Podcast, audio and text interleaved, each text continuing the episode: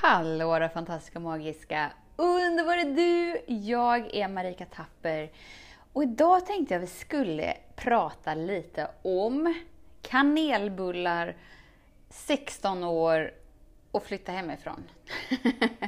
vi ska få in det på ett smidigt sätt och så ska jag dessutom få till en poäng på slutet, tänkte jag. om du vill höra den röda tråden i detta kanelbullerace, stanna kvar. Så den stora frågan är, hur lär vi oss att älska oss själva utan att vara egoistiska och självgoda? Det är frågan och denna podcasten kommer ge dig svaren på det och mycket mer. Mitt namn är Marika Tapper och varmt välkommen till Hemligheterna bakom att älska sig själv.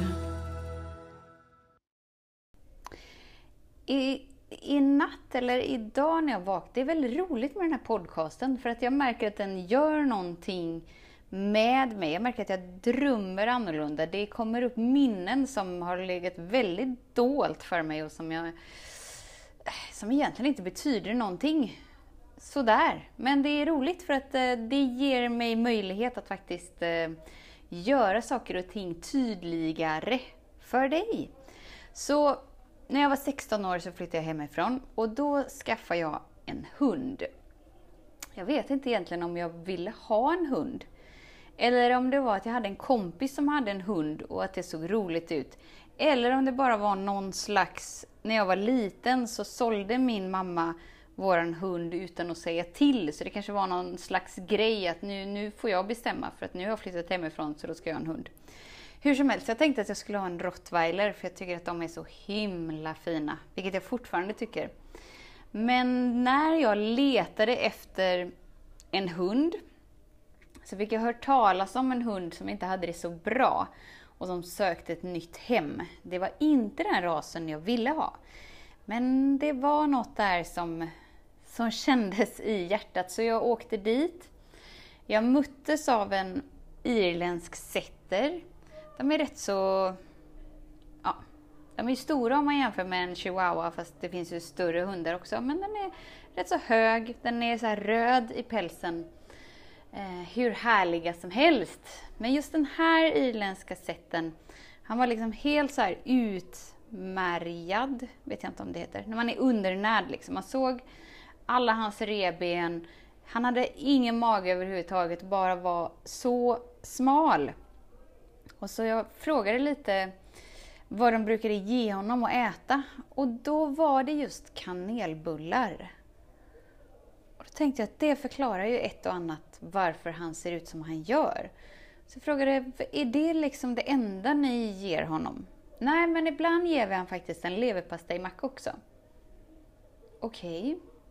Så ni ger han aldrig liksom torrfoder eller någon annan slags näring? Nej, han tycker inte om det var deras svar på det. Och då var det självklart att det var lättare för dem att ge han kanelbullar när han tackade nej till torrfoder. Det som jag såg framför mig var ju en hund som var helt undernärd. Det var ju resultatet av deras val. Och om man tittar på våra val så är det lite så här, ja men det var inte den första kanelbullen som gjorde honom undernärd. Det var säkert inte den andra heller, eller den första leverpastejmackan. Men för varje litet val så skapas ju det ett resultat. Som sen då när jag tog över honom var att han var undernärd. Han hade dessutom ingen, eh, ingen päls på halsen, utan den var helt bortskavd. Så jag frågade så här, vad har han för koppel? Vad, hur ser det ut liksom? De bara, nej men vi går aldrig ut och går med han i koppel för att det är så himla jobbigt för han drar så himla mycket. Så vi har bara en kedja gjord runt halsen på honom eh, så får han springa runt här i, i ett slags rep. Okej, okay. ja men det förklarar ju också varför han inte har någon päls på, på halsen. Och då är det återigen så här, det, den kedjan skavde säkert inte bort pälsen första gången, inte andra gången, utan det blir ju liksom ett nötande. Det blir över en tidsperiod så ser man resultat. Alltså, varför pratar jag om det här? För alla kan ju bara känna att Åh, vad fint att vi fick den hunden därifrån, eller hur? Så himla fint! Och han kunde visst lära sig att gå i koppel och han åt visst torrfoder. Bara man ger dem en möjlighet så går allting att lära om. Idag när jag var nere på restaurangen och käkade frukost här i morse, jag är ju i Spanien precis just nu. Då är det ju så här eh, fruktbuffé. Men det är också den här eh, danska wienerbrödsbuffé lookalike, croissanter eller vad de heter och så massa andra bröd, bröd, bröd och så är det bröd och så är det bröd toppat med dessertbullar, bla bla bla. Och så tittar jag runt i, i restaurangen. Det, här, det blir så spännande för mig när jag tittar på det, för det är sådär Okej, okay, här lassar man upp. Det är inte det att man tar liksom en sån här sötbulle och så känner man att åh vad lyxigt det är, nu, nu på något sätt unnar vi oss för att vi förknippar socker med att unna oss, vi har semester, jag vet inte.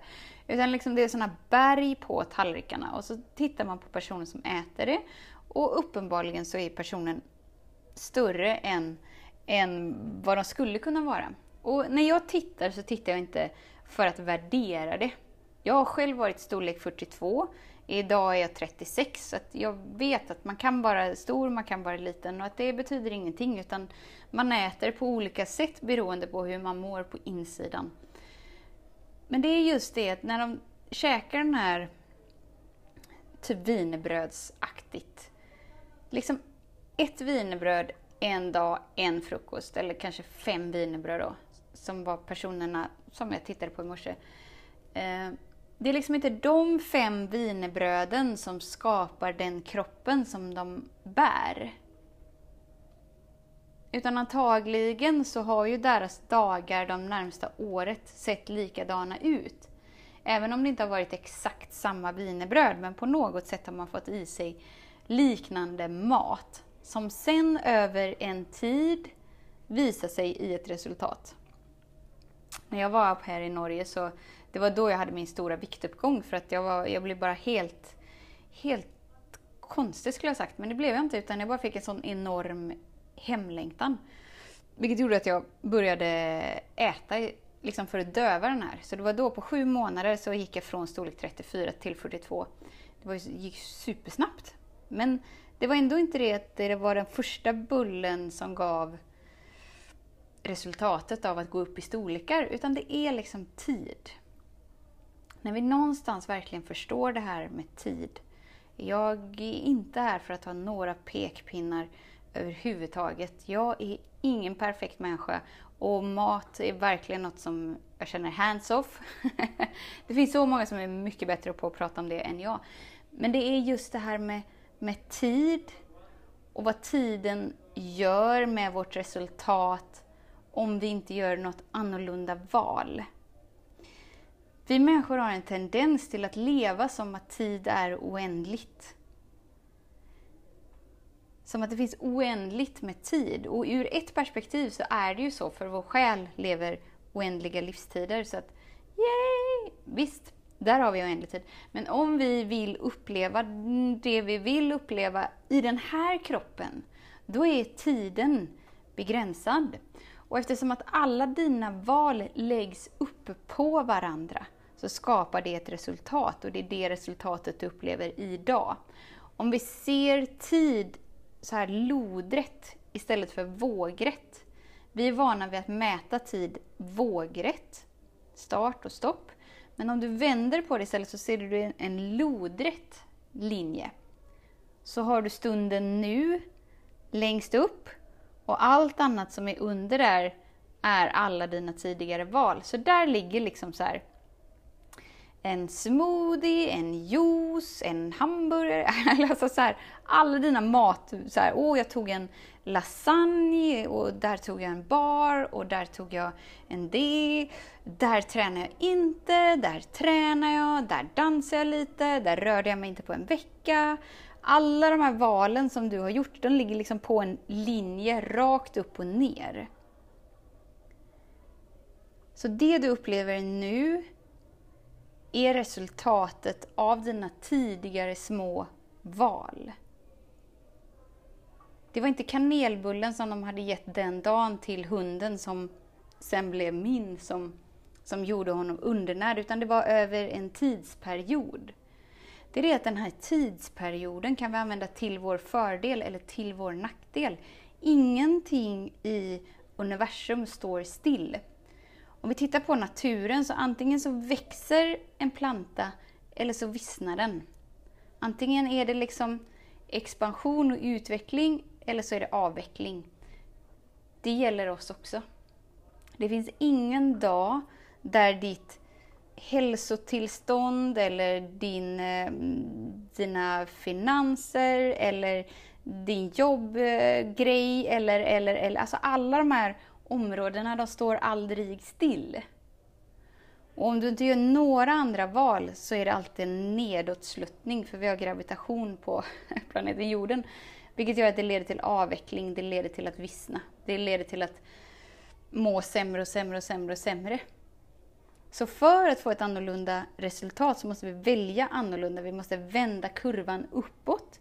Och till en början så kan det kännas väldigt ansträngande och väldigt jobbigt och så här, åh, men ska jag välja bort bakelsen mot en smoothie? Det känns ju jättetråkigt. Eller ska jag, ska jag läsa eh, en bok för mina barn istället för att ha dem framför TVn? Det funkar ju så bra med TVn, alla är ju nöjda och glada.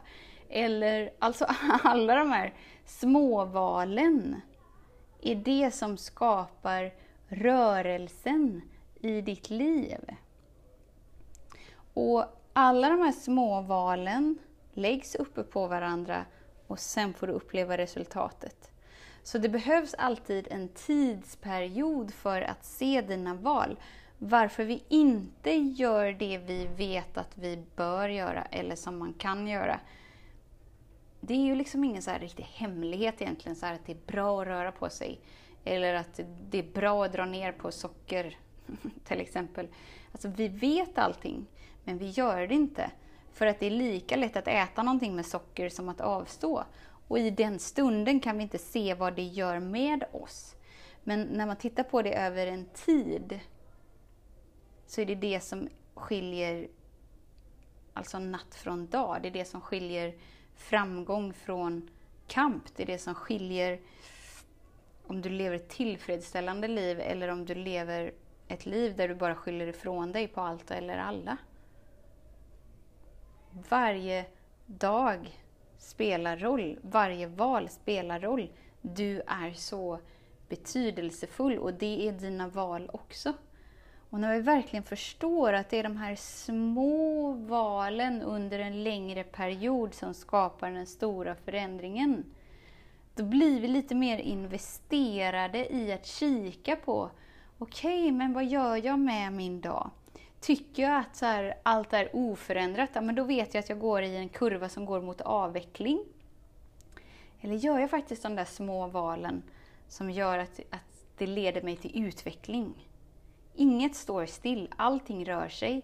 Antingen så går du i en kurva som går uppåt till ett liv som innebär mer expansion, mer utveckling, mer kärlek, mer lätthet, mer, mer, mer, mer.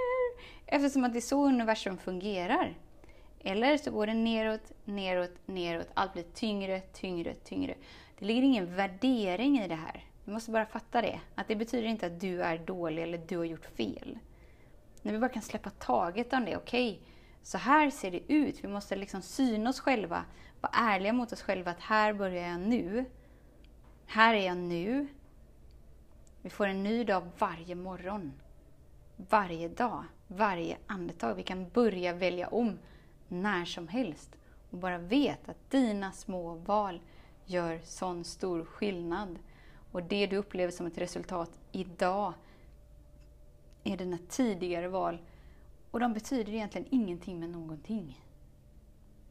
Så våga göra små annorlunda val som för dig i den riktningen du vill. Ingenting står still. Antingen är du under utveckling eller avveckling.